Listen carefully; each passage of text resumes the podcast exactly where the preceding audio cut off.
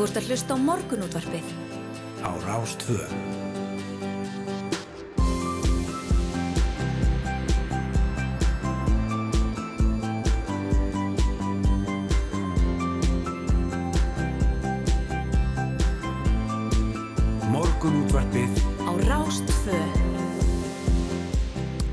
Morgunúttarfið býður góðan dag, mánundaginn 28. mars, klukkunum vantar 10 myndir í sjó og það eru yngvar Þóru, Snær og Sindradóttir sem er hérna með ykkur til klukkan nýju. Já, virkilega gaman að vera komin aftur úr smá uh, COVID-flensu veikindum. Já, ég held að hlustendur fagnar því. Já, allir. ég vona það. Já. Ég vona að fólk hefur ekki andið sko þegar hún er komin aftur. Það er er einhvern veginn þannig eins og, eins og við rættum við um, Óskar Reykdalsson í, í síðustu viku, þá er einhvern veginn allir veikir þessa dagana. Já, Annarkvort í þessari klassísku flensu eða með veruna skæðu. jú, jú, jú, jú, algjörlega. Já, þetta er hérna merkilegt. Sko, ég finn helst fyrir því að vera pínlítið vittlust og svolítið þreytt. Já, Þannig að, að hérna, það er aldrei að vita hvað ég lætt flakka þessum þætti í dag. Hvað ótrúlega heimskulegt.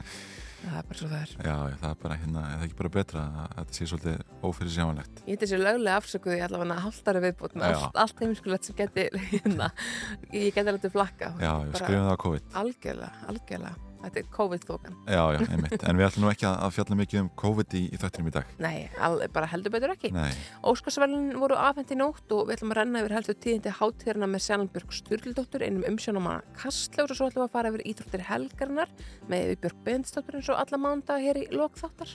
já, já, einmitt og síðan er það e, ný skýrsla um heimilisofbeldi. Jú, jú, Ríkislauglustjóri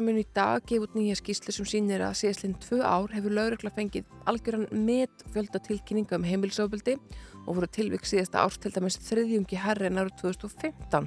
Það kemur einnig fram í þessari skýslu að í mandrapsmálum eru tengsl gerenda á hins látna yfir helmingi tilfella fjölskyldu tengsl eða náinn tengsl og þarna eru undir þessar tölur frá 2010 til 2020 hún kemur til okkar Sigri Björg Guðansdóttir ríkislauglustjóri og ætlar að segja frá efni skýslunar og svona, eða kannski hvað þetta er bara að taka Já. Þetta er mjög alvarlega málaflokkur. Já, já, og um helgina gengu íbúar í Stikkisholmsbæ og Helgafellsveit á Snæfellsnesi til kostninga og samþyktu saminningu sveitarfélagana.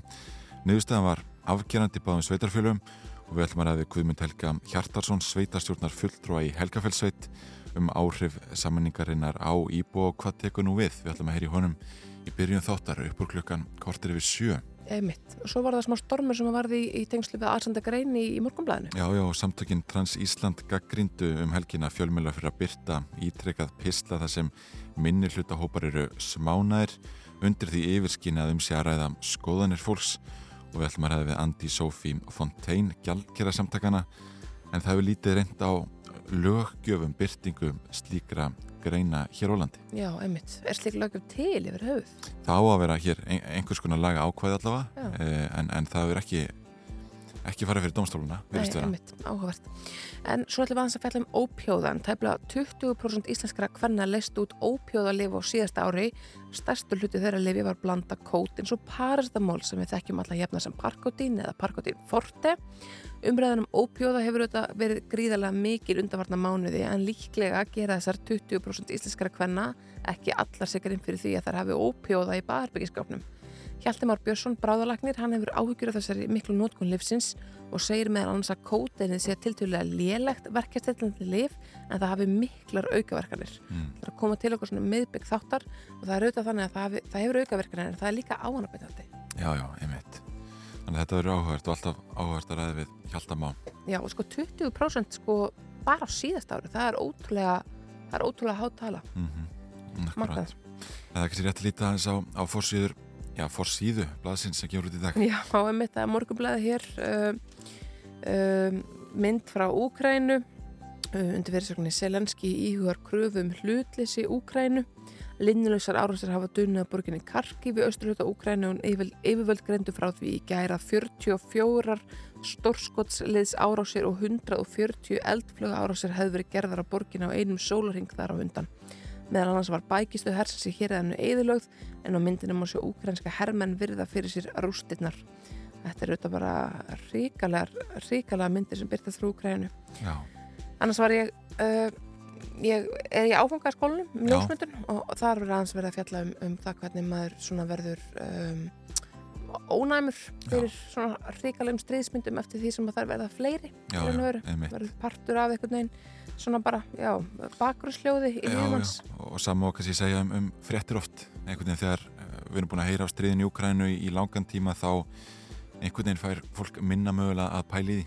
Já, algjörlega, þetta er komið yfir mánuð þannig Já, að hérna, einmitt. þetta er svona farið að vera daglegt brauð að Já. einhver leiti, en þetta er samt efsta frétt á öllum miðlum en þá já, einmitt. En ég ræk nú augun í áhugaverða fréttir á, á fjórðu síðum morgunblassins sem er á allt öðrum nótum einmittald um COVID og úttald en djammið í minnborginni gæti verið að taka breytingum í kjálfar tveggja ára tímabils af síbreytilegum ágrúslutíma þetta segja rekstrar aðilar um, já, kráar annars vegar og skemmtist að hins vegar. Aðsótinu virðist vera dreifðari sumir byrja fyrir að skemmta sér eins og áður eins og týðkast í rauninni á, á tímu faraltusins Emmitt. en aðrir svona hérna er að hverfa aftur til fyrra horfs. Og eh, Kormorkur Geirharsson sem áur ekkur ölstofu Kormoks og Skjaldar segir skemmtanalífi á góður leið með að renna í sinn farfi að nýju en fólk hafi ekki sama úthald og áður, Já, segir hann hér. Ok. og það er spurning hvort að fólk þurfu sumari til, a, til að vinna það upp eða hvort við séum að, sjá svona einhvern veginn aðra nálgun í skemmtanahaldi hér á landi. Sko, hvort allar meini úthald í því að vaka langt frum á nótt eða úthald við drikkjuna? hann segir hér menn eru farnar að geispa fljótla upp úr eitt og komnir í vatnið hálf þrjú. Já, já, ok, þannig að hérna, hann segir þetta um stemmingu síðustu helgar ok, já, forðunlegt. Já, Forðunlegt. Uh, það er verið að setja upp tímabundnar færanlegar einingar fyrir kennslu og starfsmannahald á lögð hagaskóla vegna viðgerða á skólanum. Það hefur þetta síðust árið fundust, já, fannst bara rakaskemdur og mikla í skólanum og það þurfti að útvöða annað húsnæði fyrir kennslu. Krakkarnir eru búin að vera í, á hótel sögu með annars. já, kennslu. já, já. að þau fá svona færanlegar stofur eins og eru bara, já, víðast hvar við uh, grunnskóla Reykjavíkuborgar núna til þess að redda málum á meðan að uh, á meðan að viðgerð stendur þessum sögufræga gagfræðaskóla. Já, já, einmitt, einmitt. Uh, það hefur tölvöld rætt um, um uh, deilur MAST og ja, þau, það er deilur sem Kvalur HF og, og MAST eiga í en uh, matfélagstofnun segir hér í morgunblæðinu að engar tilkynningar hafi borist frá Kval HF um að skortir á fullgildu leiði hamlaði veiðum og vinslu og í viðtali í morgunblæðinu á lögadag sagði Kristján Loftsson, framkvæmdastjóri Kvals að á árunum 2019 til 2021 hefðu veiðar leiði niðri af hálfu fyrirtækisins vegna skorts á leiði frá MAST en í tilkynningu frá e, matvælastofnunni segir að hefðbundin útgáfa starfs leiða til matvælavinslu byggist á skilgrendu verklægi þar, sem fyrst er gefið út skilirt starfsleifi til þryggja mánada í kjölfar fyrstu skoðunar á vinslu og gögnum sem eru fyrir hendi.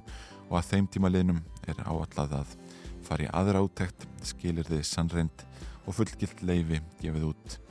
E, þannig að þetta er hérna, er áhugavert að fylgjast með þessu. Kvalun alltaf kærði þarna óhóflegan drátt á málsmeðferð til sjávarútusráð þeirra málunum vísa frá það sem leiðið hafði þá verið gefið út en matvælaráðunetið ákvað 15. februar að endur upptæka stjórnsýslu kæruna það er áhugavert að fylgjast með þessu og það ste- stefnir í það að já, það verið veitur kvalur í sumar Já, emitt, það er svona sitt síns hverðum um það. Já, já, og deildar meiningar um það og, heilbriðis, nei ekki heilbriðis áðra sem matvælar á þeirra núna Já, skrifa nú grein í morgunblæði einhvern tíman um það að henni þætti þetta óþarfi að vera að ráðast í þessar veiðar ef við minnir rétt. En vil maður skipta yfir að fréttastofu og heyra hvað þau hafa að segja og koma svo vörð með spóru með uh, viðurferð og allt hvað eina. Þú ert að hlusta á morgunútvarpið. á Rástvö.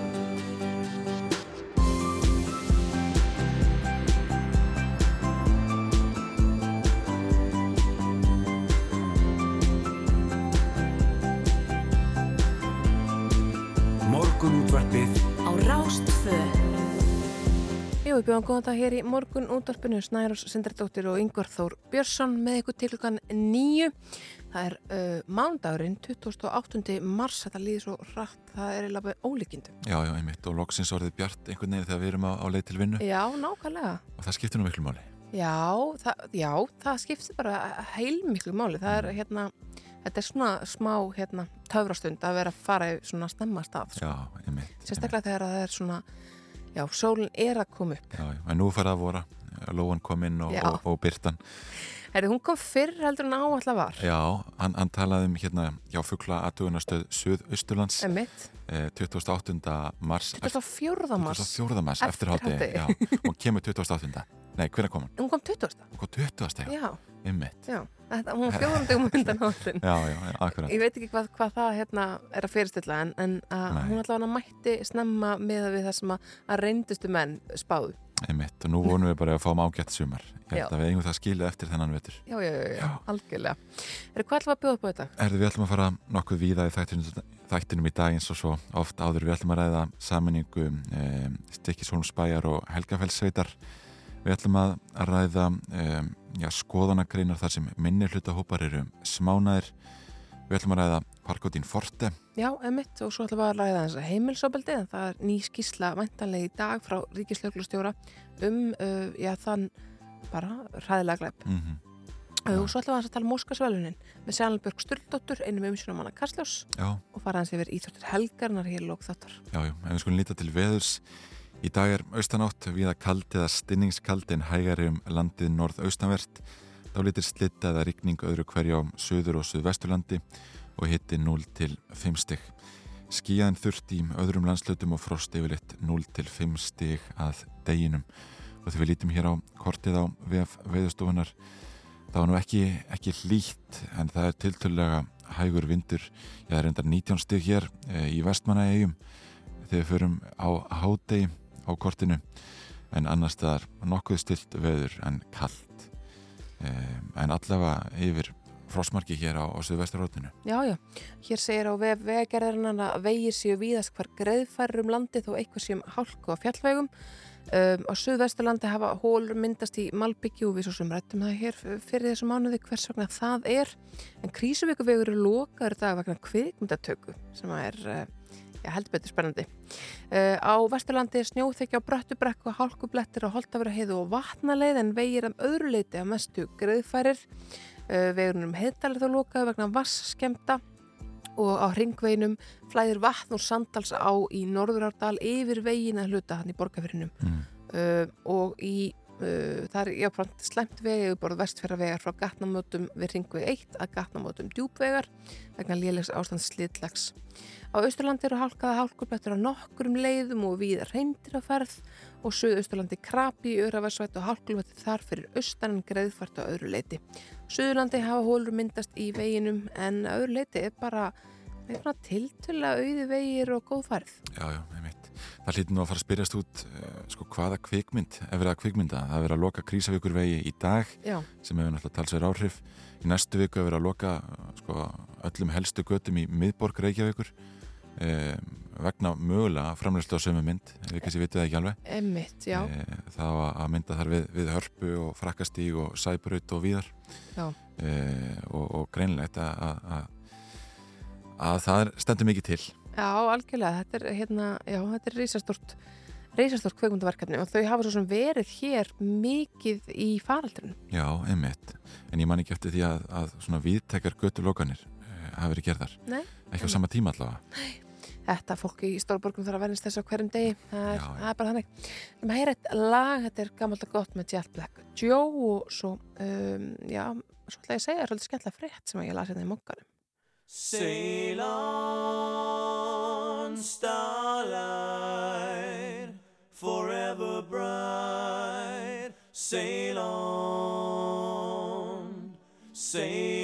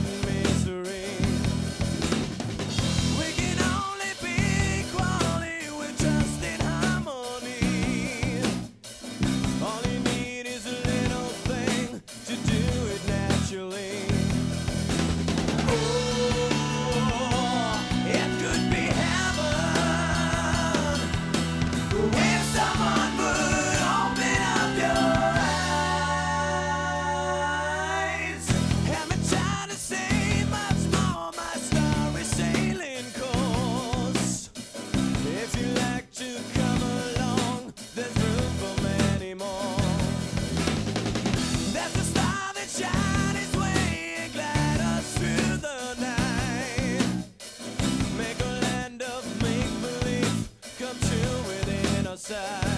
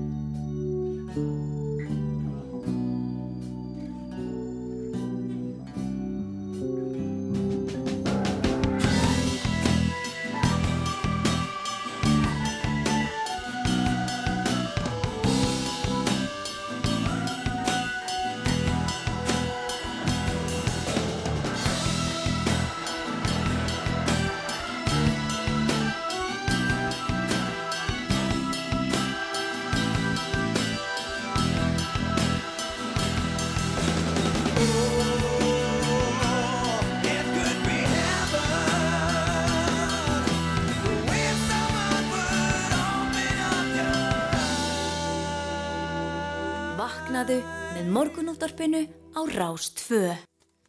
Jú, við rákum augun í þessa áhöfuru fréttum um arðgreislur. Já, einmitt, við höfum svolítið verið að tala um hérna, fjárfestingar, fólks, Já, já, svona aðeins, svona, já, við höfum aðeins verið að velta þessu okkur já. í þættinum. já, já, fólk fekk greitan arð í, í síðustu jú, Þeir sem eiga einhver, einhver hlutabrjöf í fyrirtækjum þar sem var verið að greiða út arð. Já, nákvæmlega og hér er fjölskyldufæðurinn Þórin Freyriksson sem er svona tiltölulega ósáttur af því að dóttir hans sem kemur svo sem ekki fram hvað er gömul uh, hún á hluti í Íslandsbanka og fekk argræslu síðustu viku uh, heilar 735 krónur nema það að, að bankin tók 500 krónur og skattar tóku rest svo eftir stóðu 73 krónur Já, í arf. Um, og hann segir sko, minnst þetta aðlega hálf spauðilegt en jú, auðvitað var þetta pínu súrt. Ég gerir mig grein fyrir því að enga fyrir það ekki þurfa að fá greitt fyrir veitta þjónustu en þetta var auðvitað 90% af arðinum hennar og hann segir að, að bankarnir stundir er hálfgjört okur þar sem við taki umsýslu gjald og ymsar aðra þóknanir þegar fjárfestingar fóksinu annars vegar. Og segir hann hérna þessi krakkar er að kaupa brefurinn að stimpla sig inn á markaðin læra inn á þetta og svo þegar þau sjá þetta þá er þetta pínu högg. Hágjöld séu til þess fallin að draga úr vilja unga fólks til fjárfestinga og ekki síst þegar um sig að ræða lágar fjárhæðir. Þetta er þetta stór hluta fjárfestingurinn sem slíkir þegar þetta er svona lágar upphæðir. Spuru hvort þetta geti eftir vil ítt ungu fólki út í áhættu samari fjárfestingar, segir Þórun að það geti vel verið. Mér finnst nú unga fólki oft tiltölulega áhættu sækið, segir hann, og nefnir sem dæmi þekktan áhuga á ungu kynslaðurinn að rafmyndu. já, neymitt. Þetta er áhugavert. Þetta er náttúrulega veldur alltaf á vantilega á verskrá og, og, og svona hérna, já, mör- mörgum öðrum þáttum. Og ég velti fyrir mig sko hvað uh, fjárfestir maður fyrir mikið ef maður fær 735 krónur í arð og sem verður svo 73 krónum. Ég er að reyna að átta mig á sko hvað leggur út fyrir þetta, Mm þetta klink sem þetta er. Það er ekki sinni, þú veist, þú þarfst að satna nokkrum tíkallum saman til þess að þú getur ekki að fengi hundrakallin sko. Já, já, heimitt. En, en hluturinn í bankunum hefur alltaf hækka verulega, þannig að, að eh, já, það, það er alltaf eitthvað. Já, einmitt, þetta er hérna, þetta er, þetta er fornilegt, þetta er fornilega leið, leið til þess að eignast peninga, það verður að segja alveg svo er. ætlum að heyra eitt lag og svo ætlum við að spjalla aðeins um sammenningar. Það ekki? Jú, við ætlum að ræða um, já, uh, við um, já, sveitarsvöldna fullur á í Helgafellsveit Guðmund Helga Hjartarsson en um helginni gengur íbúar í Stikilsónsbæ og Helgafellsveit til kostninga og samþýttu já, með afgjörandi niðurstöða að Einmitt. En hér er nýlegt lag með Jenny Lee sem heitir Stop Speaking. I lost count of my fight. I lost trust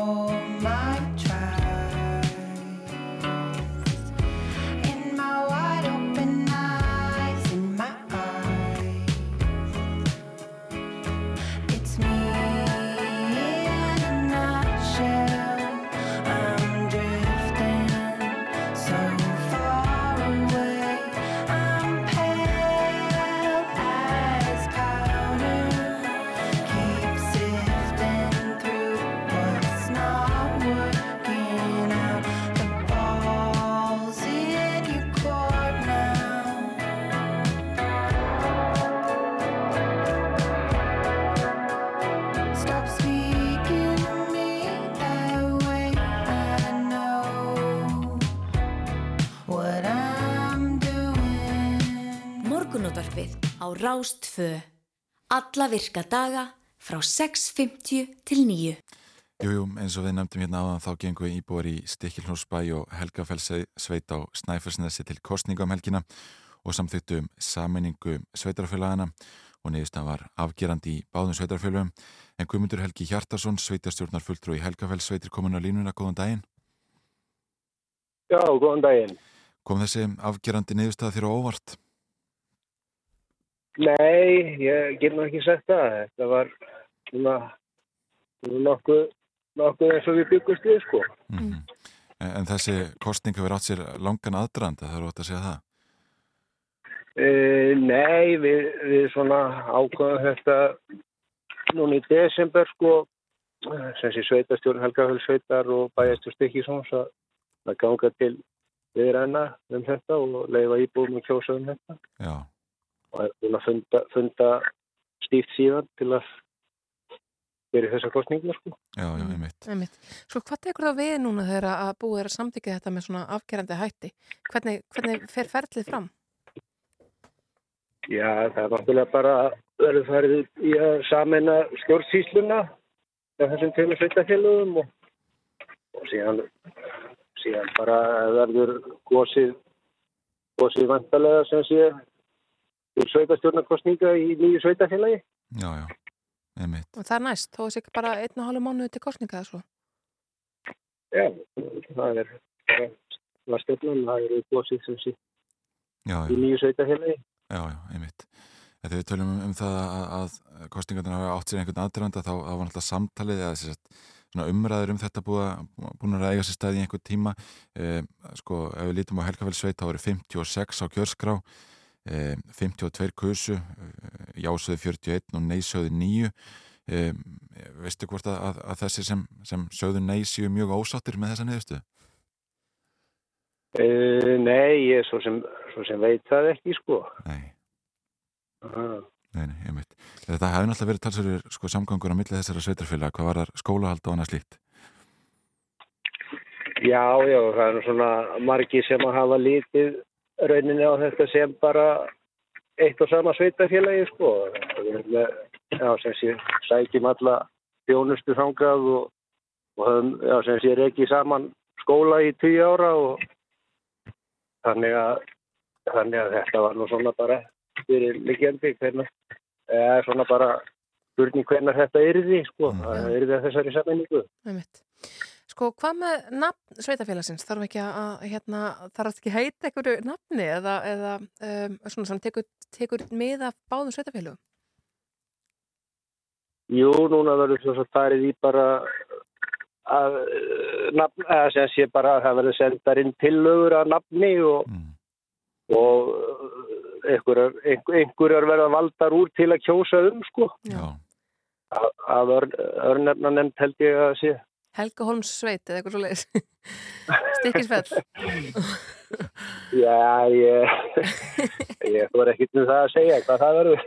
Nei, það verður eitthvað sniðut. Kannski þið efni bara til nafnasamkeppni og, og svona upp á gamla mótan og fáið eitthvað skemmtilegar, hérna, eitthvað skemmtilega tillögur. Já, já, já, já, allar, allar tillögur vel. Einmitt. já, já, nákvæmlega. Nákvæmlega, þetta er alltaf áhugavert að ræða þessi saminningar mál Guðmundur Helgi Hjartarsson, sveitarsjóðan fulltrú í Helgafellsveit. Takk fyrir að vera á línni. Já, takk sem leiðis. Veistu það einhver, ég hérna, er svo spennt fyrir því þegar hún Sjanbjörg Sturlóttu kemur þetta til okkur eftir og talar um Óskarinn.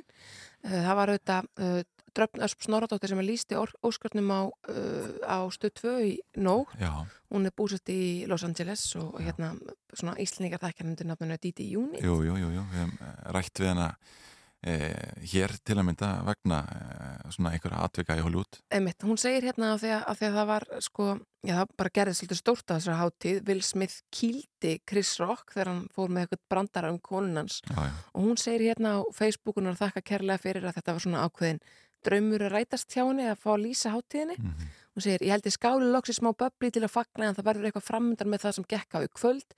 Allt getur gerst í beinum útsendingum og þetta var nákvæmlega þannig en þetta Will Smith og Chris Rock málur hvergi nærri lokið. nei, nei. Hann auðvitað bast afsökunar, Já, já, Þe þegar hann var aldar ræði vegna þess að hann var valinn besti leikar í. Já, þannig að þetta, þetta er mjög áhugavert mál. Chris kemur hann með brandar um, um eh, já, um eitt konu Will Smith á þeim fórsöndum hún sé krúnurökuð. Um, og hún hefur talað ofinvöldunum það áður að hún fáist við hárlós og vilvar nóbóðið og, og lappaði svona já, já, bara beitni baki upp á svið og sló hann og, og, Ég bara gaf hann mitt áan, Já. bara, þetta var bara kreftur nefi og allt. Sko. Já, já, einmitt. Þetta, þetta er svona einhvern veginn það sko, þegar maður vaknar einhvern veginn og, lítur í síman og, og skoðar það sem var helst að frétta e, yfir nóttina það var einhvern veginn bara þetta eina mál og ég, ég veit í rauninni afskaplega lítið um hvað gerist annað á Óskarnum þetta einhvern veginn hefur ekki svolítið glift aðrar fréttir e, af sigurvegurum Þetta er fyrsta skipti sem að, þetta er fyrsta skipti sem að Will Smith vinnur Óskarinn. Hugsaðir, hugsaðir að hafa skemmt kvöld lífsvíns með þessum hætti. Að mist stjórnarskapiðinu og gargaði upp á svið og lami kinnin og eitthvað. Hugsaðir að fara svona með einhvern veginn, sko, því fallega í lífiðinu. Það er ótrúlegt. Það verður áhugast að ræða þetta eftir við, við Chanel e, Björk e, þar fyrir við svona dýbra í Óskarsvelunin og, og helstu sigurvegara og, og þetta atvik vantilega Já, já, algjörlega. Ætlum að heyra eitt lag gamalt gott með Blood Group, þetta er lagið Hips Again. Og svo komum við að varmur spúri.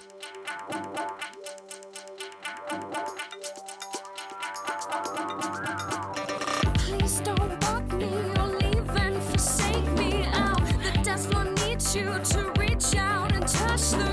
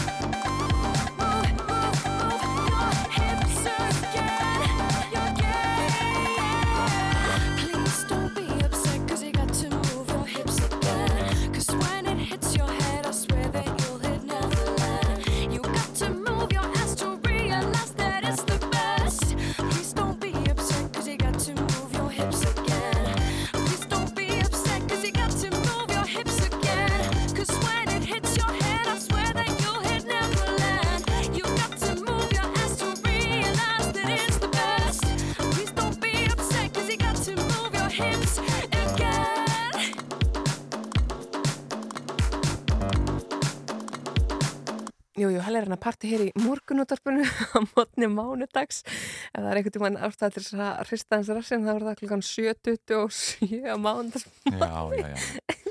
Ætlar að koma sér fram úr núna. Þetta er ágætt lag til þess að hrista fólk aðeins. Algjörlega, fólk hefur þetta mjög skipta skoðunum um það sko, hvernig það vil láta koma sér fram úr sumir Já. vilja láta fara bara hægt og rólega inn í þetta hlusta á rólega tónlist ef einhverja tónlist og svona bara nutta stýritunar augunum eins sko, hægt mögult er en aðrir vilja endilega fá smá svona vitaminsbrötu til þess að einhvern veginn koma sér að stað til daginn Já, nákvæmlega, nákvæmlega. Ég einhvern veginn vel bara annarkvort, sko.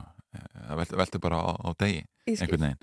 Eh, Rólegu morgun í morgun, til Já. að mynda. Já Já, já, ég myndi að svona er þetta bara lagavaliður hérna eins og það er og bara ég er svona partypinni sko Já, Ég einmitt, þessu. einmitt. Það er ágætt að við fórum ekki, ekki saman í bíl í vinnuna í morgun. Nei, er við ætlum að fara að skipta vera fréttastofu, heyrast upp fréttaæfilit og komum svo að með spori og ræðum við Andi Sofí Fontein, uh, gjaldkara Trans Ísland.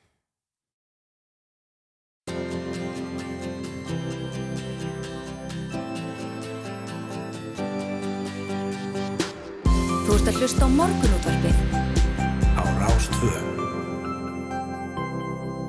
Jú, áfram heldum við hér í morgunúttarpinu. Samtökinn Trans Ísland gaggrindum helgina fjölmila fyrir að byrta ítrekka pistla sem að minni hluta hópar eru smánaðir undir því yfirskynað um sér að ræða skoðanir fólks. Nú komin inga til okkar Andi Sofía Fontein, gjaldkeri Trans Ísland.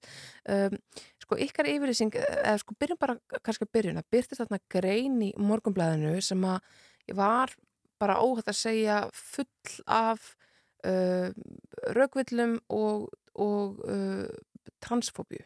Já, Sko, hvernig, hvernig upplifið þið það þegar að greinar af þessu tægi uh, byrtast? Hvernig upplifið það þegar að verður að ræða bara hreinlega tilveruréttingar?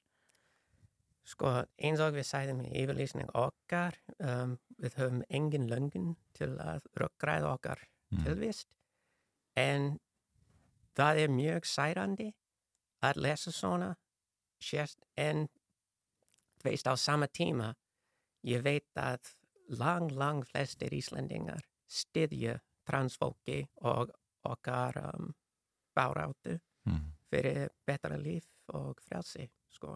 Það er engað, en að sjá það, en á sama tíma sjá það í, veist, dagblað sem er dreift að landsvísu er, veist, ég hef engin orð til að lýsa hvernig mér leið til að, til að sjá þetta, sko. Nei, einmitt. Það er alltaf lýsið því þessari yfirlýsingu að greinin hafi verið full af, fordómum gagvartinum jaðarsettasta hópi fólks í heiminum og vísið raunar í, í hegningarlöga að, að þetta megi í raunin ekki. Nei, það, það er satt.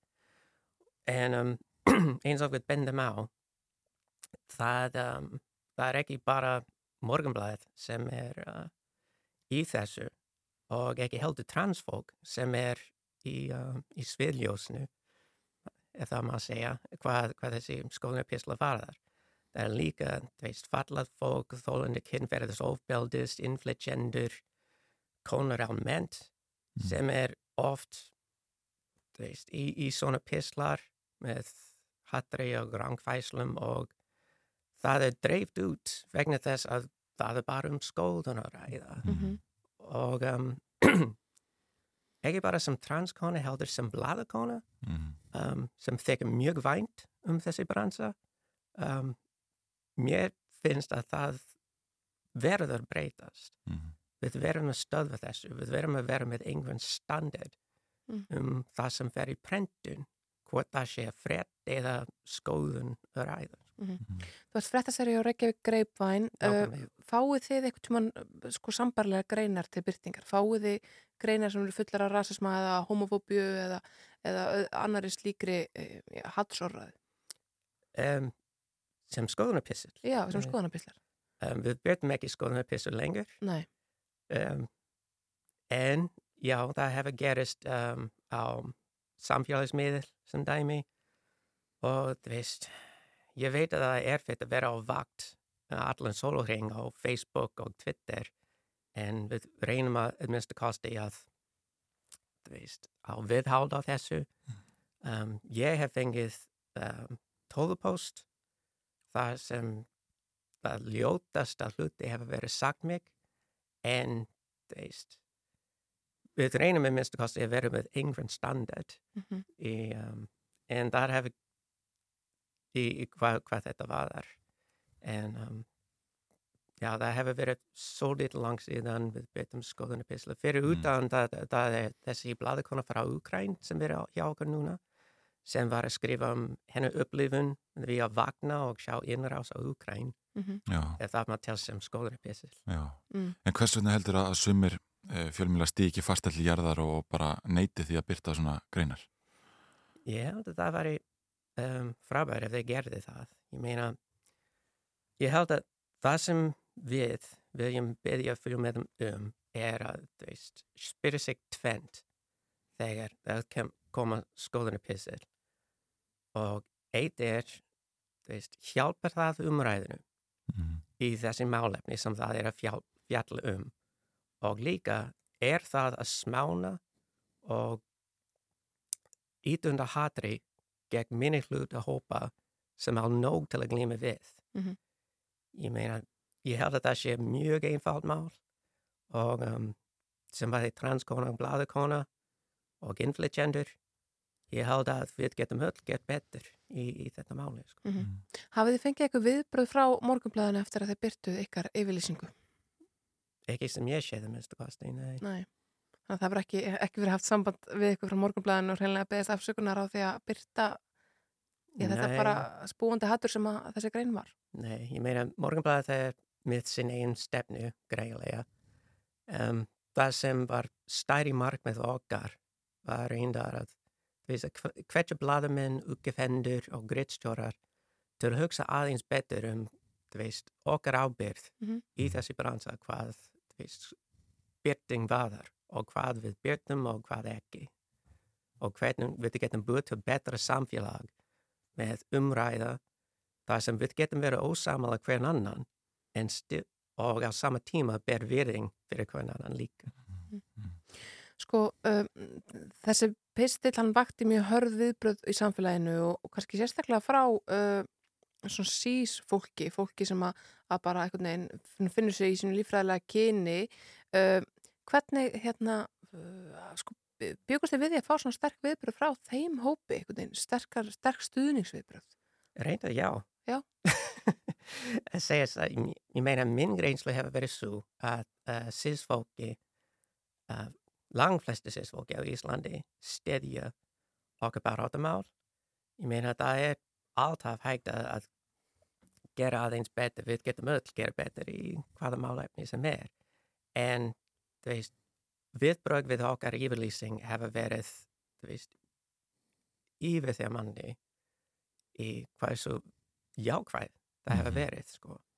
Og okkar langar að vinna saman með öðrum, um, með öðrum hópum til að ræða við fjölmiðlum, til að búið til betur umhverfi, þar sem við í líðræðis samfélag getum haft sam, þú veist, umræða Mhm. um málefni og deila um hitt og þetta og ber viðing fyrir hvern annan og bara búið betra samfélag. Ég held að þetta sé ágætt lokaorð Andi. Sofí Fontein, gjaldkeri samtakana Trans Ísland og Blaðakona Takk fyrir að kíkja til okkur í morgunúttarpið Takk fyrir að hafa mig. Spin me down, spin me down, watch me pirouette. Now I'm about to fall apart. Pick me up, pick me up, sweep me up off my feet. I'm already waist deep. I'll let you in. I'm giving up, I'm giving in. I'm giving up,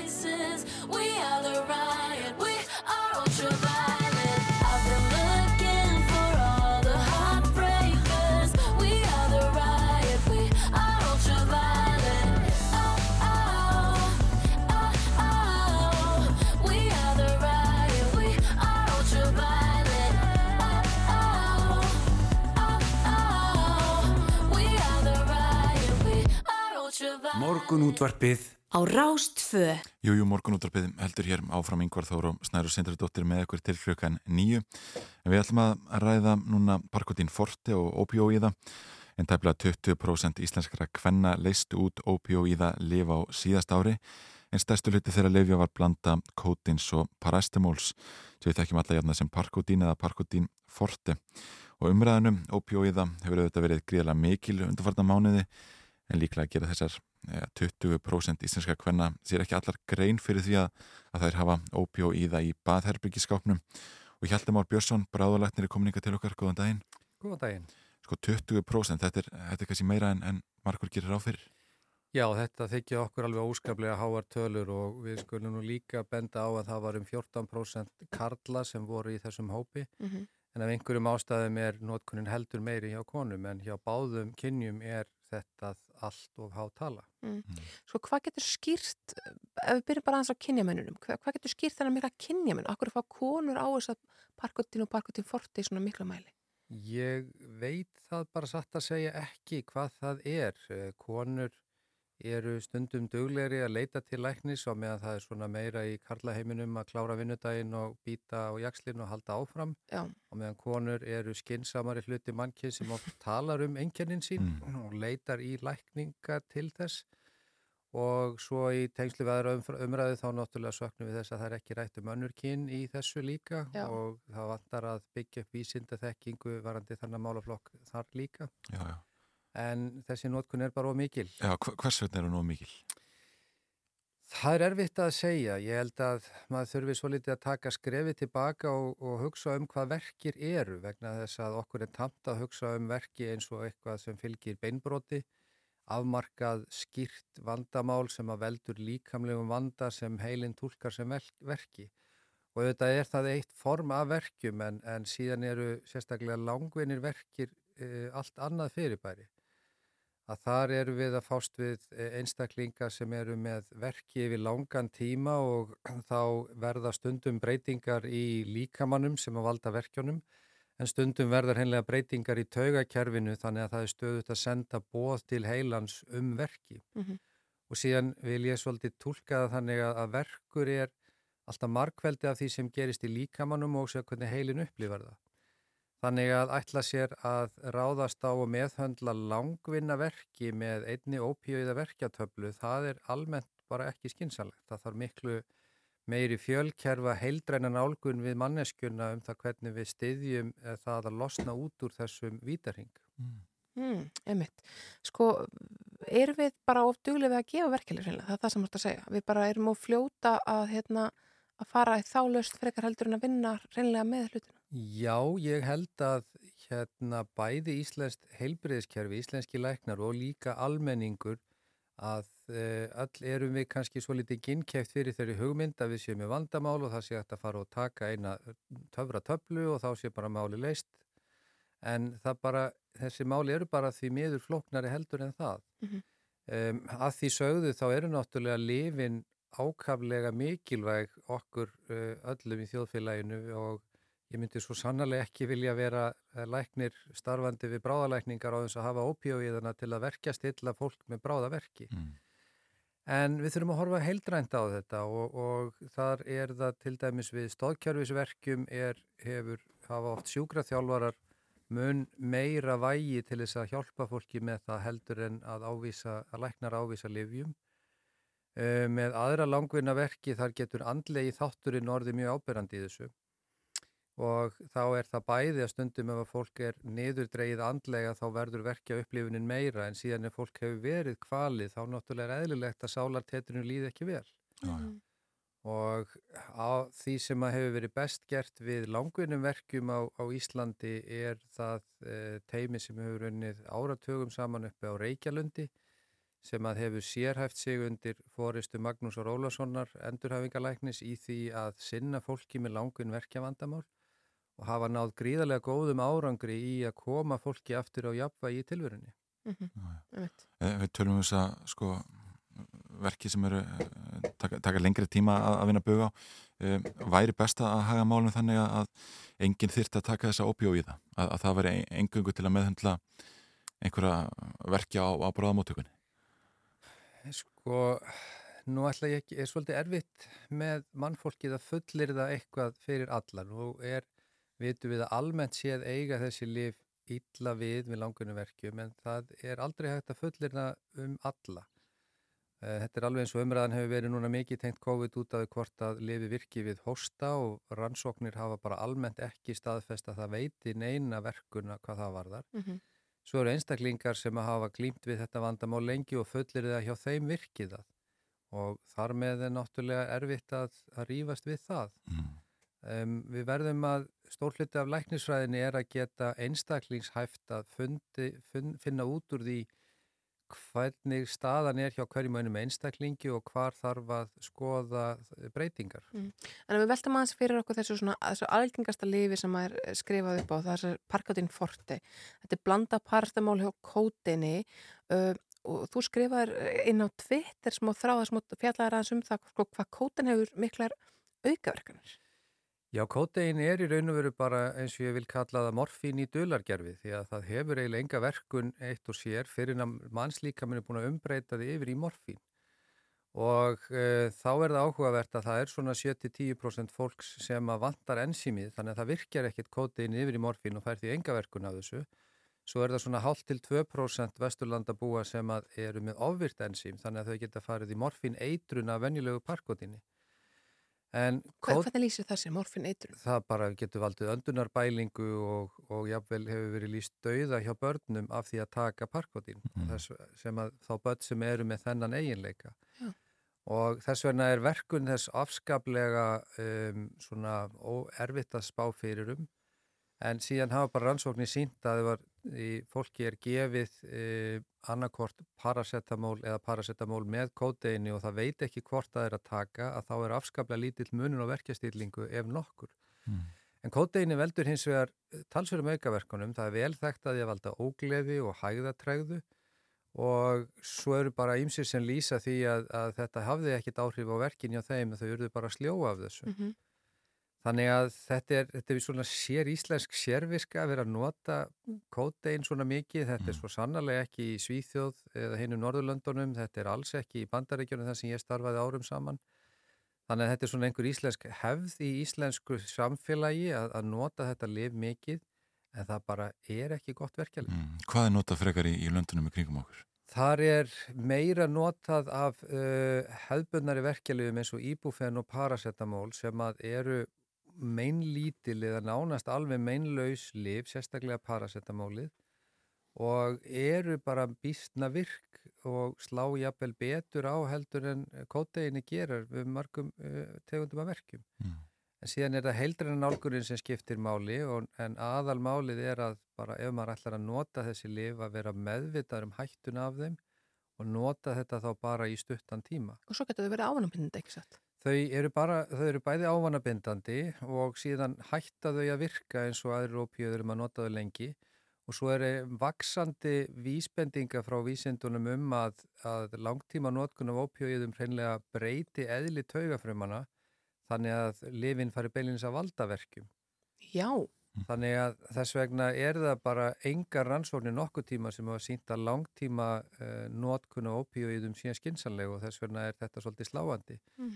Og þarna er það af þessum 14% karla og 20% kvenna sem fengu ávísu ópíðum þar var tveir þriðju af því magni voru allt parkotín og svo er enn eh, skuggalegri tölunir að maður horfir á aldraða að í hópnum yfir áttrætt að þar er það um þriðji hver einstaklingur sem fara ávísað ópíóiðum og okkar aldröðu heiðus kynnslóður eru náttúrulega þeir þjóðfélagshópar sem eru viðkvamasti fyrir aukaverkunum lifja Þannig að við höfum svolítið áhyggjur af mikillir nótkunni þeim hópi líka. og, og, og á, ávanabindingu í þeim hópi að, að gammalt fólk sér hreinlega orðið háð þessum lifjum. Svo sannarlega. Já. Það getur alveg gerst.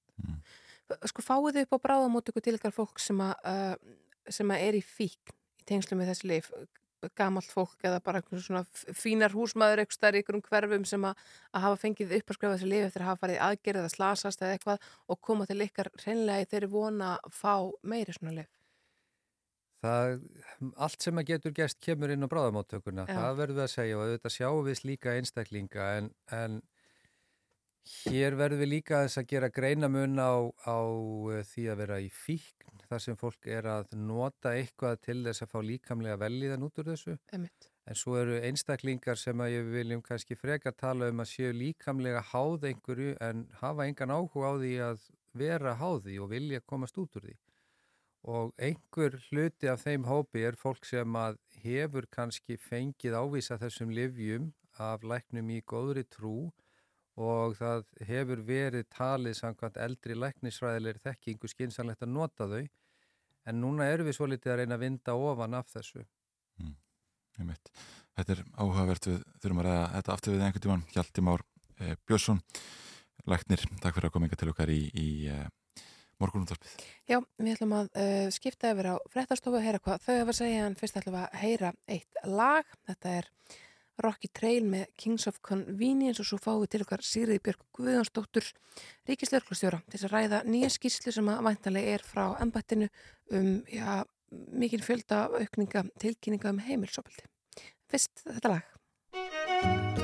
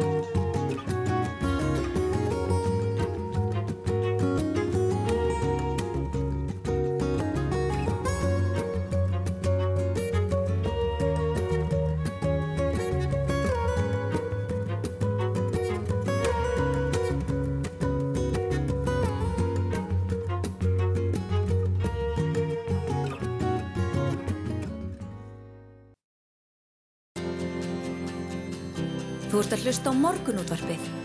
Á Rástvö.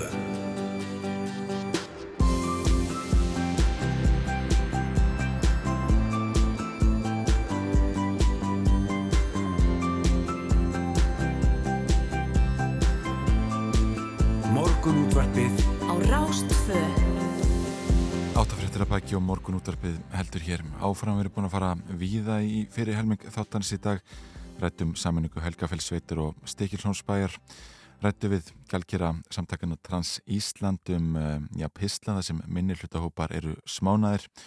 Og hér fyrir uh, stötu síðan var Helgi Már Björnsson, bráðalæknir hjá okkur, að ræða ópjóiða og uh, livja nótkun á Íslandi, getur við sagt. Einmitt, en hún Sigri Björg Guðjónsdóttir ríkislörglustjóri er að koma sér fyrir hjá okkur.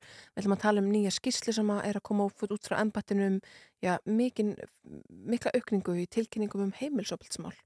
Fyrst eitt lag, þetta er flutryggi með brét. Ég bátur á bryggjunni Úti er kallt En ég býð eftir sólinni Aldan heggur inn í hliðin á mér. Hugurinn reykar.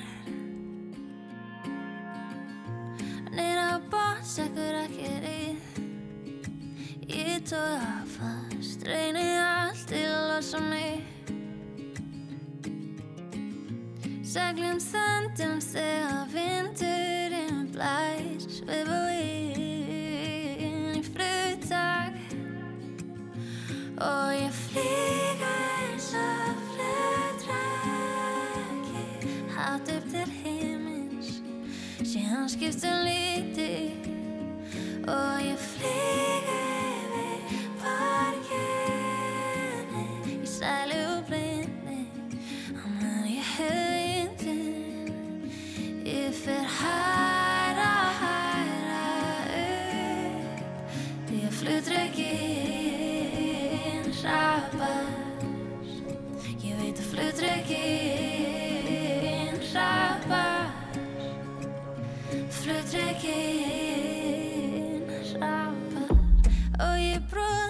í portinu Leita til þín. En Þú vilt dregan í loftinu. Hvar er neistinn sem þú hafðir í gær? Hvar er ljósið falið? Vængbrotin en ég brosi með. Það tekur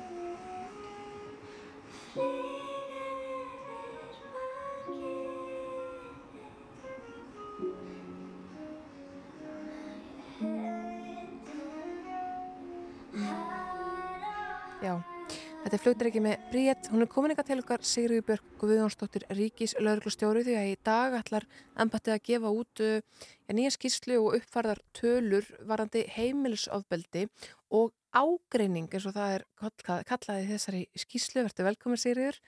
Við skulum kannski byrja bara þar af því að þið gerir þarna greinamun og eitthvað sem heitir heimilsóbild annars vegar og ágreiningur hins vegar.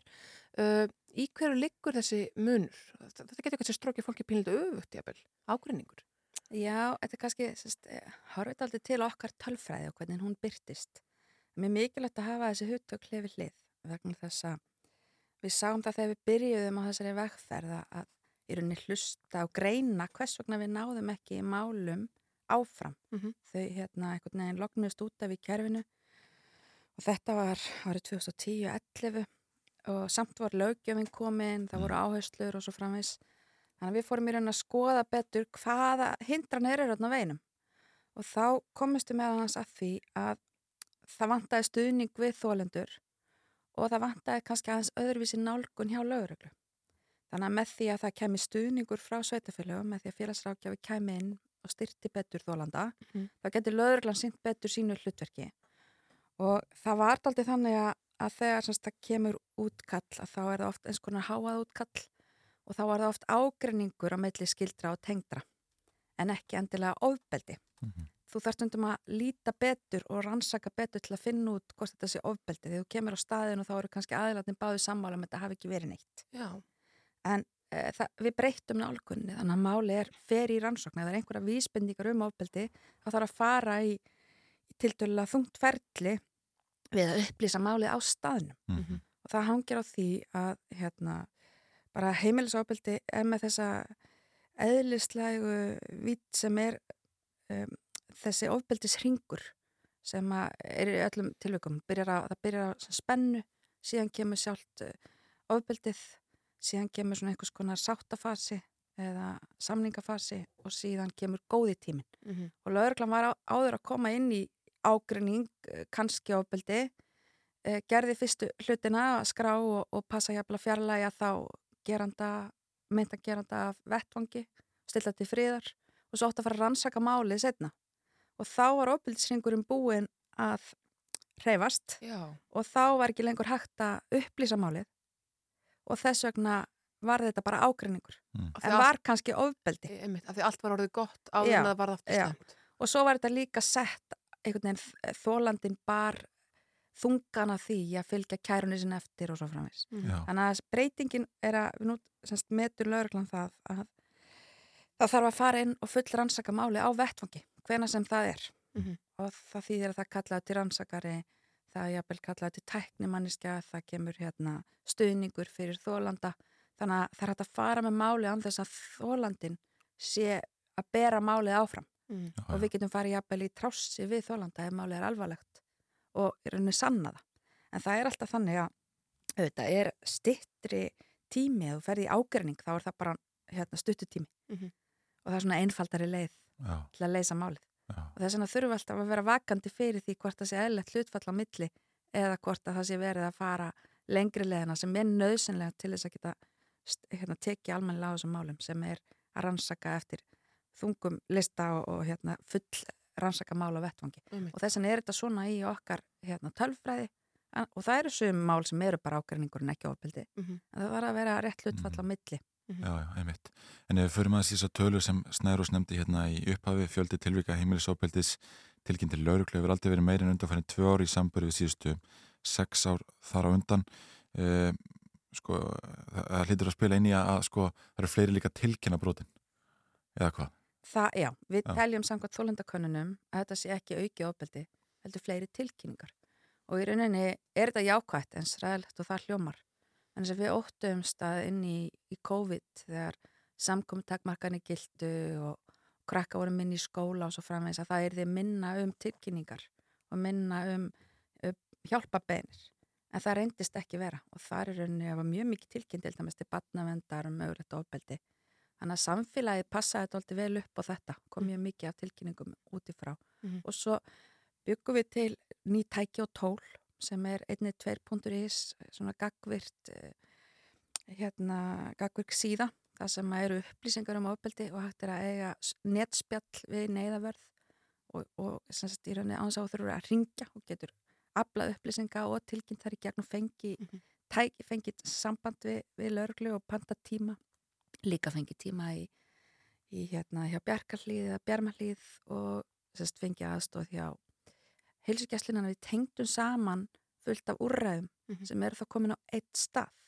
Að þú nefnir þetta með tilkynningarnar og, og þegar fólk ringir í neðalínuna uh, sko, maður stundur séð á internetinu svona myndbönd af hérna, af uh, ringingum í, í 911 í bandrækjunum þar sem að sko kona í aðstæðum þar sem er heimilsofaldi þykist þeirra að panta pítsu þykist þeirra að gera eitthvað annað en að ringja í neðalínu fáið þið svona símtöl til, til neðalínur símtöl sem eru einhvern veginn dölbúin sem eitthvað annað og þið áttu ykkur á við verðum að fara og breyðast við Ég er bara ekki viss, en þess að neðalínan er svo sem annað fyrirtæki sem er síðan er, er, er, er enn miðpunturinn fyrir öll símtöl sem koma inn Einmitt. og síðan er það málinu vísa til öðruglu. En við höfum aðrar aðferðir til dæmis eins og 1.2.is að geta sem sagt spjallabind, netspjallið. Já. og svo er þetta ganga inn hjá Bjarkarlíð og fleiri stöðum þannig að og hvernig að hverjum alltaf er búið að vera ótrúlegt eh, hvað ég segja, hjálpatæki í öll þessi ár. Já, og það er kannski sorglegt að við skulum vera á þeim stað að það sé verið að huga að byggingu nýs hvenna atkvars með fleiri möguleikum, að við skulum ennþá vera á þessum stað. Mhm. að það þurfi að útvega fleiri rými fyrir fólk í neyð einmitt. Þetta eru yfir 2000 tilkynningar á ári, uh, 2102 á síðasta ári, þar sem er annars vegar ákvörningur og hins vegar heimilsofbildi. Sko, þetta eru marga tilkynningar á dag. Uh, Er, það, er heimilsofbildi svona ofbúslega algengt? Ég menn þetta eru hljótverðar fleiri tilkynningar heldur en bara um ímis önnu brot. Já, ég meina það sem gerðist er það að við áttuðum okkur á því þess að það var margir samverkandi þættir en það er ekki nema 10-15 ár síðan að þetta átt pínlítið liti eins og þetta væri engamál fólks og, og svo framvegs. En þetta er graf alvarlegt og við sjáum það bara á mandrápstölunum. Mhm. Um helmingu mandrápa er vegna ofbildis á milli skil- skildra tengdra. Við erum að tala um að það er líf í húfi. Já, já. Þannig að þetta er graf alvarlegt mál og það er mjög alvarlegt bara þau, hérna, þegar þú elst upp á svona heimili. Það fylgir allar tíð og getur leitt til þess að það sé meira líkur að þú lendir í ofbildisambandi sjálf eða sjálfur. Mhm. Þannig að við verðum að taka þetta og setja bara að, þetta þarf, þessa, þetta verk, eh, sem þessi tegund af ofbildi þarf að, að, að skipa mjög mikinn sess þetta er bara svo algengt Já, já. og við sjáum þetta ekkert bara á Íslandi sjáum Istanbul samningin sem að hefur verið einmitt eh, hérna er í gildi flestum þjóðum, Európa-þjóðum og, og hérna við erum að vinna eftir og þar til dæmis er lögð áherslu á að gera þessa tölur sínilar. Þetta er ekki engamál fólks, þetta er ofbeldi sem að við sem samfélag þurfum að vita af og finna leiðir til að berast gegn. Já, Og lögurlun er bara einn aðilega mörgum sem kemur í svona verkefni og þetta kemur inn í heilbriðiskerfið, þetta kemur inn í skólana, þetta kemur inn á vinnustæðina. Já, já, einmitt. Í þessi skýrslu er, er jáfnframt að finna yfirleitt yfir mandrápsmál á, árunum 2010 til 2020 og, og þá tengsl eh, hins látna og geranda eh, og það kemur eh, þar svona hérna, skýrti í ljósa að, að oftast er þetta, er þetta náinn tengsl. Í helmingi tilvika. Já, Þannig að þetta er ekki bara skipilega brotastarfsemi sem við erum með, við erum með eiga við það, það er með helmingu mandrópa sem er vegna en á milli skildra og tengdra. Mhm. Og þarna þurfum við að, að sem sagt, vera með áhættumat og, og einmitt að auka tilkynningarnar. Þannig að alltaf mjög alvarlegt þegar, þegar kannski búið að vera viðvarandi ábyrgsástand í mjög langan tíma en við komum að hefur aldrei leitað aðstúðar Mhm. og þetta er á því að vera drefin. Og þetta eru kallari miklu meirluta, sko, það kemur fram að þetta séu um það byl uh, sex mandráp þar sem að er makaofbeldi og þar er gerandin í fimm tilfellum uh, kall og, og hinn látna í fimm tilfellum sem sagt kona. Já, sko, stóru tölunar eru þær að um 80% gerenda í heimilisofbeldi eru kallar og um 70% þólenda í heimilisofbeldi eru konur. Já. En þetta er ekki bara á milli maka eða fyrirvændi maka, þetta eru líka börn og foreldrar og Já. allskynns tengingar, sko. Mhm. En hérna, en þetta er alltaf erfitt vegna þess að þetta er, það er, hérna, þetta eru flókin mál, það eru börn, það eru fjárhagslegar hagsmunir, það eru tilfinningar, Mhm. þetta er ekki alveg klift og skorið eins og, Mm. eins og um ókunnugt fólk væri að ræða. já, já. Nei. Og svo er alltaf þessi, þessi von að þetta verði betra og þetta sé bara eitt tilvik. já. En nú hafið þessa tölur í þessari skýrslu, hvað tekum við núna? Hvernig verður unni með þetta áfram? Ég vil að byrta þessa tölu ásfjörnslega og okkar á þeirra hefur lagt mikla áherslu á það að þetta er eitt af því sem við erum að vinna með núna í ofbildsmálunum. þannig að þessar tölur eru sínilegar og við erum ákaflega ána að það skulle fá vægi og umræðu en set ekki bara þegjandi á VF embætsins Mhm. en að þess að þetta er samfélagslegt mein og við viljum náttúrulega sjá fækkun á þessum málum. Einmitt. Við viljum sjá fleiri tilkynningar um þau brot sem að verða en færri raunveruleg brot. Það Mm. er svona markmiðið og, og vonin að, með þessari umræðu og með þessari, hvað ég segja, e, þessari hérna, já, samfélagslegu nálgun, að þetta sé ekki eitthvað eitt eða tvö kerfi heldur, kerfin að vinna saman, Mhm. Að þá muni takast að vinna buða. En hva- hvað er hægt að gera? Ég meina, þarf að hef ég fræðslu til batna um eh, sko, hægðin í samböndum eða þú veist, hvað, hvað er, hvað er líkilatri til þess að, já, karlar í meirluta hætti að beita konunar í lífi sínu ofbeldi og þetta þær konur sem að beita kallara í lífi ofbeldi. einmitt. Sko ég held að við höfum aðeins vilst af leið. Ég held að við eigum að horfa meira á aðbrota varnir. Mm. Við sjáum að til dæmis í hérna, stafræna ofbeldi hvað eru margir ungir þólendur og gerendur. Mhm. Þarna þurfum við að auka fræðslara. Við höfum verið að taka þann bolta og, og, og vinna með það í tengslum við kynfyrirsofbeldi. En það er líka með heimilisofbeldi og sérst, bara það að hafa vefsíðu. Krakkarnir eru að afla sér upplýsingar þar, ungmennin og máta sín í aðstæður. Þess að þú getur verið komin inn í aðstæður sem að eru ofbeldsaðstæður en áttar ekkert endil á því. Mhm. Það hljómar einkennilega að það er samt þannig. Það er eðli þessa máls að það er flókið. Þannig að ég held að þessi umræða er bara skiptur öllu að þetta sé ekki engamál sem liggur einhver staðar undir og fólk þarf að eiga við árum saman og vera jafnlega í lífsættu. Einmitt. Siri Björk Viðarsdóttir Ríkislauglustjóri, takk kærlega fyrir komuna í morgunúttarpið.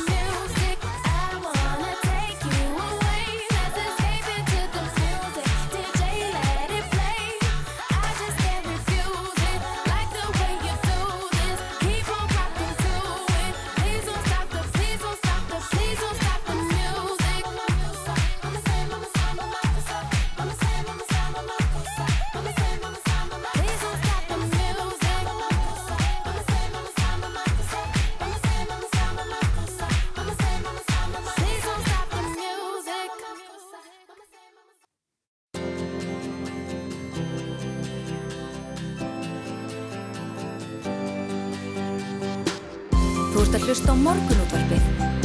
á Rástvö. Jú, jú, morgunútarbið heldur hér áfram og við ætlum einmitt að ræða Óskarsvelunin sem voru afhendi í nótt Sérlega Björg Sturldóttir, einnum svona manna Kastlósi komin ykkar til okkar, góðan daginn Góðan daginn. Það var viðbörurík hátíð, það er ótt að segja það Alveg algjörlega. Já, þetta, þetta var alls ekki það sem ég bjóst við að lesa þegar ég vaknaði í morgun að þetta hafði bara gerst. Nei.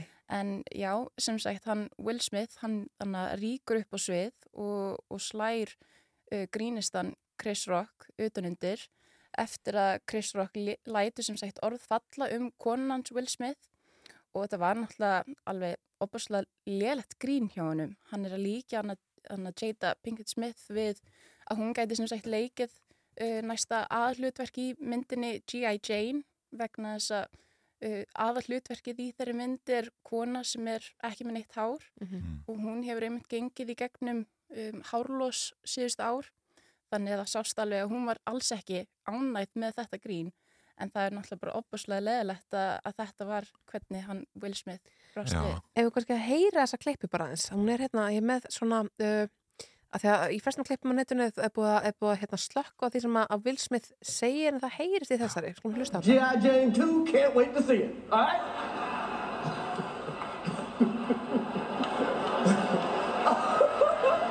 It's, that, was a, that was a nice one. Okay. I'm out here. Uh-oh, Richard. oh, wow. Wow. Will Smith just smacked the shit out of me. Get my name out your fucking mouth. Wow, dude.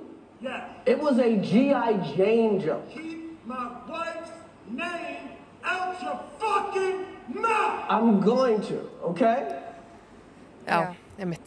Þannig G.I. heyrist Jane það 2. Já, já. mjög skýrst að þetta var ekki grín, eða þetta var ekki æft sem sagt, þá er margir held ég að velta því fyrir sér í á stundinni, hvort Mhm. þetta væri bara hluti einhvern veginn af einhverjum svona uppistandi hjá Chris Rock sem að Will Mhm. Smith var að taka þátt í Þegar Chris Rock líka stendur þetta svo vel af sér einhvern veginn, hann, hann hérna bara heldur áfram að brosa og, og, Mhm. og einhvern veginn heldur áfram Já, og segir svo í kjölfarað þessu sko að þetta er hérna stórkostlesta kvöld eh, sko sjónvarsögunar af því að þetta hefur náttúrulega ekkert gerst áður á þessari hátíð. algjörlega, en ég mitt svona velti því fyrir mig hvort að um, það var einmitt líka grín sem að leikstjórin Jane Campion sem að vann einmitt um, sem sagt titilinn fyrir hérna, besta leikstjórin á Óskarinn í garkvöldi. Mhm. Hún vann sem sagt líka um, bara nákvæmlega sama titil á Critics Choice Awards fyrir nokkrum vikum og þar let hún orðfalla um Venus og Serenu Williams og var að líka sem sagt ferillin sinn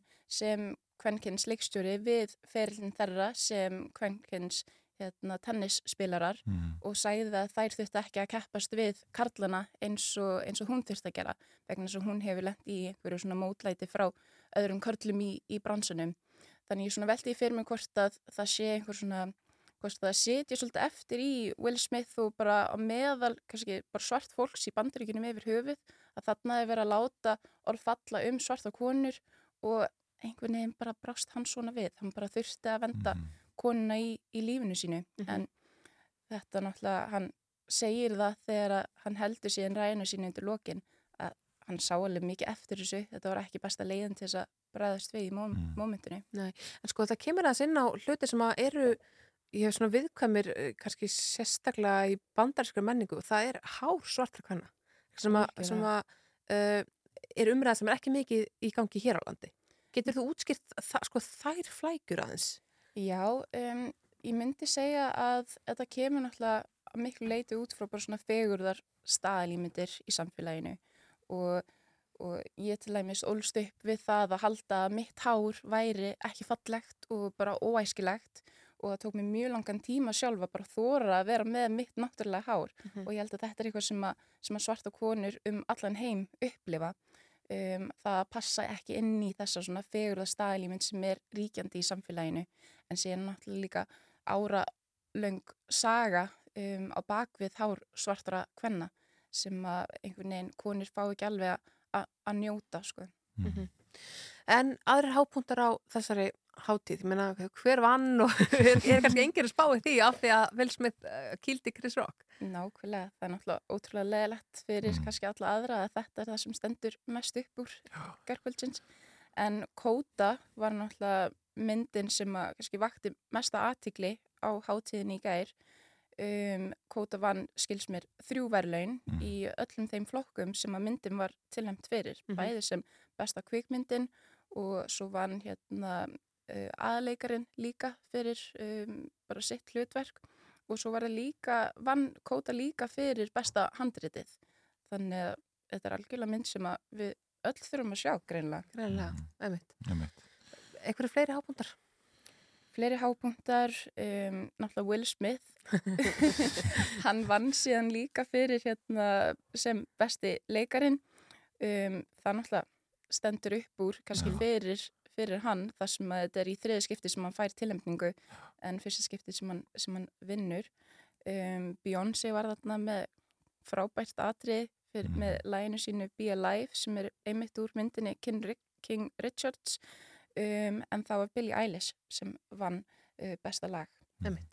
Einmitt. Ef ekki bara heyra það lag? Jú, ég held að það sé ágætt og, og bara þakka þið kjalla fyrir komuna. Takk fyrir mig. Já, takk hérlega.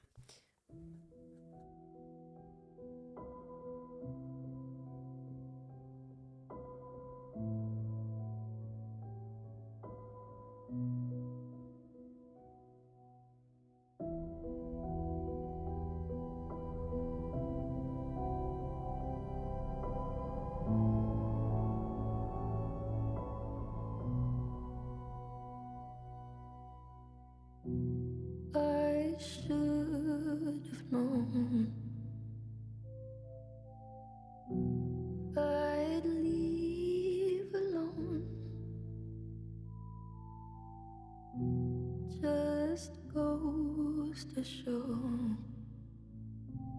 that the blood you bleed is just the blood you own.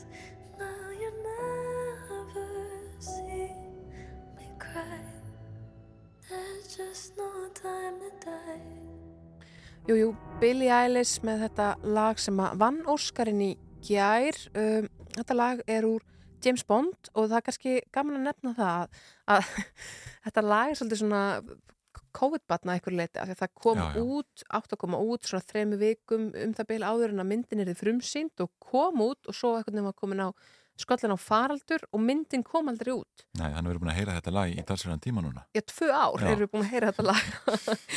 um, en myndin kom ekki út fyrir hvað, síðasta sumar eða síðasta haust, Já, já. Var Geysi Vinsel?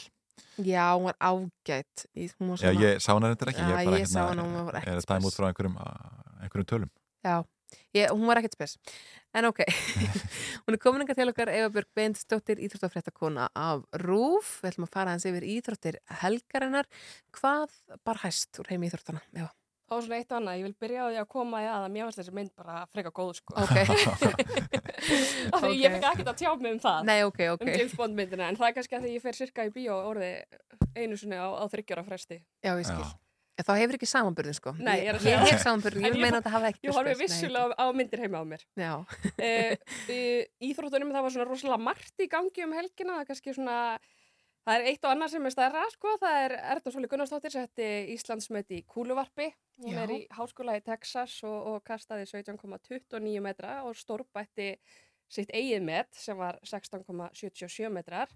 Þannig að það er svona sem að situr svolítið eftir eftir helgina. Við erum að fá Íslandsmet og, og Patrikur Andrés Axelsson sett Íslandsmet í 60 metra hlaupi í flokki blindra og sjónskertra og Íslandsmót innan hús í, í frjálsum íþróttum fallara. Mhm. Fengum tvö Íslandsmet um helgina. Það var ímislegt annað í, í gangi. Það var skíðamót Íslands sem að fór fram fyrir Norðan á Dalvík og Ólasfyrði og Akureyri og, og þar voru það Hólmfröðu Dóra Friðgjestóttir sem að var einmitt á, á vetrar olimpíuleikunum núna í februar og Mattias Kristinsson sem voru skíðadrottning og skíðakongur Íslands. Þau unnu bæði svíð og stórsvíð. Mhm. eh, þannig að, að, að það er bara svona eitt og annað. Já, já, einmitt. Íslandsmet, sko, hvernig er að setja, hvernig er að hérna, slá sitt eigið Íslandsmet? Er það ekki svona, kannski ekki alveg skemmtilegt að slá einhvers annars met? Sko það er svolítið mikið um það, sérstaklega í þessum, þessum greinum þar sem er kannski ekki droslega margir að, að kljást um eins og kastgreinarnar. Það eru þeir sömu sem að svolítið svona slá sín eigin með aftur og aftur og aftur, þannig að það kemur einhver nýrin á sjónarsviðið. Uh, síðan er eins og í hlaupunum þar sem að það er einhvern veginn skipst á að slá og það er kannski meiri keppni í því en það er eins og þessir afreiks íþróttamenn segja oftast að það er bara, maður er alltaf í keppni við, við mann sjálfan Já, í já. þessum greinum sko. Jú, jú, auðvitað. Uh, síðan var stórleikur í, í hérna, söpveitild hverna í Köruboltækjarkvöld þegar að að Valur vann mikið vaðan sig, sigur á haugum Mhm. sem að tryggði þeim reynan úrslitaleik við fjölni í loka umferðinni. Þannig að það er svona spennan er að aukast í þessum deildum í boltadeildunum þegar líður með vorinu eins og við vitið og, og hérna mikil veistla framundan þegar úrslita keppninar byrja að kalla á hvernig megin. Já, já. Mhm. En það byrjar náttúrulega alltaf einhver að tryggja sér deildamestratitillin og svo kemur Íslandsmestratitillin í, í úrslitakeppnin eins og við vitum. Já, Þannig að það er svona, það er eitt og annað. Já, já. Svo er kannski eitt sem að svona fyrir mig, mér fannst sérstaklega skemmtilegt að sjá um helgin er það að- Danin, Kristján Eriksen, sem að auðvitað allir þekkja eftir Mhm. þetta uh, erfiða atvíkusumar þegar hann fikk hjartastopp á Európamótunni í fótbolta. Já. Hann skoraði í fyrsta endurkomuleik sínum með Danmörku þegar að Danmörk tapaði 3-2 fyrir Belgiu Já, já. og minna sem varamæður skoraði og þetta var tilfinninga, tilfinningastund. Þetta var æðislegt að sjá þetta. Já, já, einmitt. Þe- Þeir töpuðu þá þessum leik, Þeir miður ekki, jú, leik, fjögur tvö. En, en það sem er sko hérna, já ég sagði 3-2, 4-2 Já, og hérna hann skoraði í, í þeirri stöðu. Uh, það sem að er í þessu er það að ég sá viðtal við hann fyrir helgi þar sem hann sem sagt að fara að spila á parkin þar sem þetta atvik verður í sumar Mhm. á morgun í, í hérna gegn Serbíu. Og hann var að tala um að það verður örgulega skríti fyrir bæði lísfélagana og, og, og hérna áhörundurna að sjá hann aftur á vellinu þarna því það fólk náttúrulega var bara í áfalli. Ég maður eftir að hafa séð, ég veit ekki hvort þið að vera að horfa á hann leik en ég sá þetta í beinni og maður var bara lengi eftir sig, ég var að fara að lesa fréttur ég átti bara pínu erfitt með mig sko. Já, þannig að, að það verður svona blendnar tilfinningar fyrir bara liðsfélag og hann að fara aftur á, á parkin og, og spila þar En er hann bara hérna, þú veist, er hann í standi til að spila sér sett? Eða allavega Já, hann, hann fær þennan eh, bjargráð eða gangráð eftir þetta. Og þá mátt hann ekki lengur spila á Ítalíða sem hann spilaði en hann er núna í ennsku úrvalstættinu og hann er bara í, í hörku formi, stendur sér vel og þú veist, þetta er bara það sem hann vil gera. Já, veist, það er örgulega einhverjir sjensar og, og ég sá mér þess að hann sagði í þessu sama viðtali sko að hann vissi ástæðana fyrir hjartastoppinu en hann vildi ekki tjá sig um hana sem að Mm. gerir fólk nú ennþá ennþá Forvitnari, já, eða, heldur eða þá hann vil kannski ekki sko hræða að það sé einhver, nei. eitthvað undirleikandi En svo er þetta líka bara kannski engamál hvernig hjarta hann slær. Já, svo er það kannski engamál sko. Já, Eh, En sko, ef við tö- tölum aðeins um stöðuna í söpudeld kvenna, þar sem að- að Valur lagði hauga, um, Íslandsmeistra valslögðu byggamestra hauga um, og þarna, hérna, sko, þarna takast á stálinn stinn. Ég meina, Helena Sverrisdóttir sem að er, já, hvað einn besta körbáltakona landsins, hún auðvitað komin aftur heim í hauga eftir að hafa leitt val til uh, frækins sigur sér fyrir örfa mánum síðan. Er þetta, er þetta, til- er þetta tilfinningaþrungin leikir þegar Já, ég held mætast? það og þær, þær hafa náttúrulega mæst áður í vetur og Helinu finnst þetta alltaf skríti, hún segir það í viðtölum og, og þetta er svona, en þú veist, það er það sem hefur komið á óvart í þessari deild núna, eða fjölniskonur eru bara búin að vera á topnum núna, en þetta er voðalega jöfn deild, það er Já. ekki þannig að einhver hefur verið bara skilin eftir, sko, það er, það er einhvern veginn vinna allir alla og það býður upp á rosalega spennandi úrslitakefni Einmitt. framöndan. En eins og ég segi, það er valur eru með 30 stíði öðru sæti deildarna og þeir eru með tv- tveimur stíðum frá fjölni, Mhm. þannig að þær geta í raun og verið jafnaðir í, í næstu umferð á miðvikudaginn. Já, sko hvernig fer svo úrslitakeppnin fram? Hún er, hún er, tegur slundi var fjögur lið ekki satt og, og hvernig, þetta er ekki svona útláttakeppni. Þetta er, jú, í rauninu enda síðan tvö í, í úslita einvíinu, það sem eru sko e, þrýr sigrar til Já. að fá. Þannig að það er bara hérna stýttist í það, náttúrulega ekki alveg komað því og síðan eru náttúrulega fleiri lið í kalladeildinni þannig að það er, það er liðið lengra á vorið. Mér finnst ótrúlegt að við séum komin þetta langt í deildinni, mér finnst þetta hafa byrjað í gær en það er kannski alltaf alltaf þetta COVID að maður er hálf ringlaður í tíma. Já, já. Jú, jú, jú, jú, tengjum við það. Eh, annað sem að hérna nú alveg þess virði að nefna er það að landslýs fyrirliðin okkar Sara Björg Gunnarsdóttir var valin aftur landslið fyrir helgi fyrir tvo leiki undakefni HM sem eru í april og við sínum uh, Sara er náttúrulega ekki búin að spila með landsliðinu síðan í desember 2020 Já. og það er náttúrulega Evropamóti í sumar þannig að þetta eru miklar gleði fréttir að fá hana aftur. Uh, svo eru við uh, á Rúfa sína byggarkeppnina í Blaki næstu helgi. Við sínum úslitaleikina í, í hvenna og kalla flokki á sunnudeginum. Uh, undan úslitin fara fram á lögadeginum, við sínum þau ekki, Mhm. en, en úslitin á, á sunnudeginum, þannig að það er spennandi.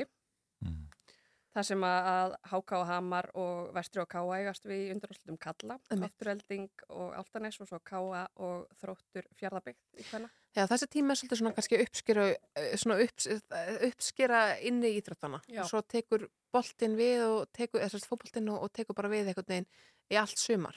Já. Sko, Hvernig, hvernig verður það? Er, eru þeir leikið síndir að rúf í sumar? Uh, þá meinar fótballtaleikirnir? Já, knattspyrnuleikirnir. Sko, nei, deildirnar eru síndar á, á stöð 2 rásunum en við verðum sem sagt með byggarkeppni kalla á hvenna uh, sínum þá leiki. Okay. Og það er sem sagt, ég nú er ekki alveg með dagsetninguna á deildinni, bestu deildinni sem hún heitir sem sagt úrvalsteld hvenna kalli fótballta hvenna hún byrjar. Hún er að byrja óvinni snemma sem er ótrúlegt að því við höfum aldrei verið með meiri snjó. Já. Eða, eins og undarfarið, við erum nú einhvern veginn loksis að losna með það núna. Mhm. Þannig að, um, já, það stýttist í þetta allt og þetta er einhvern veginn alltaf að, að detta. Já, já, það er nú framöndan, það er rótið að segja það. Eva Björk Benendistóttir, eh, takk fyrir að koma ykkur til okkar og, og tala um íþróttir helgarinnar og það sem er framöndan. Já, takk fyrir mig.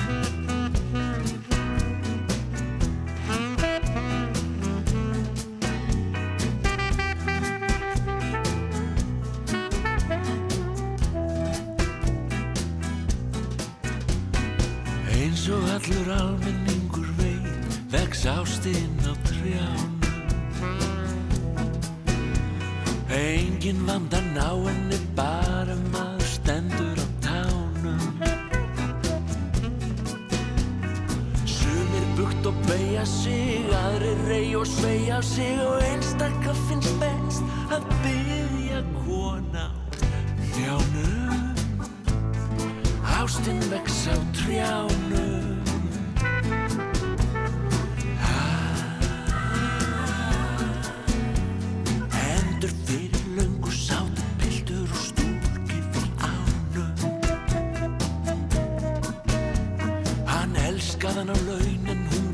á allra handa slánum. Sem rug á hann í réttunum og fyktuðu í fléttunum. En pilturinn lók sigur orðið bar af öllum þessum bjánum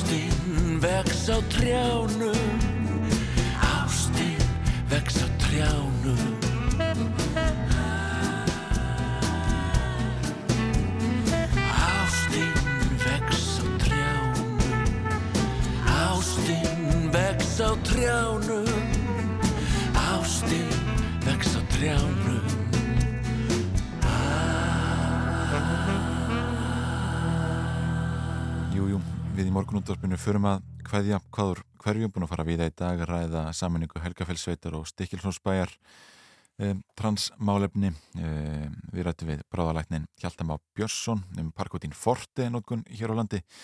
Rættum við um, já, Sýriði Björk Guðjónsdóttur Ríkislörglustjóra um heimis, heimilisofbeldi.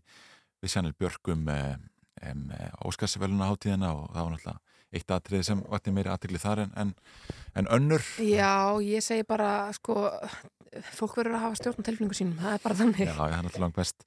Og Eva Björk Bendisdóttir eh, Íþrótafréttakona var hérna hjá okkur. Fyrir skemstu að ræða það sem gerðist um helgina og það sem er framöndan í sportinu. Einmitt. Við minnum bara á um, það að við erum með netfang, morgunúttarpið uh, rúf.is, þá er þetta að senda okkur allar ábendingar og upplýsingar og allt hvað eina og við verðum hér aftur með ykkur á morgun, Snæður og Sindardóttir og Yngvar Þór Björnsson. Við þökkum fyrir okkur í dag.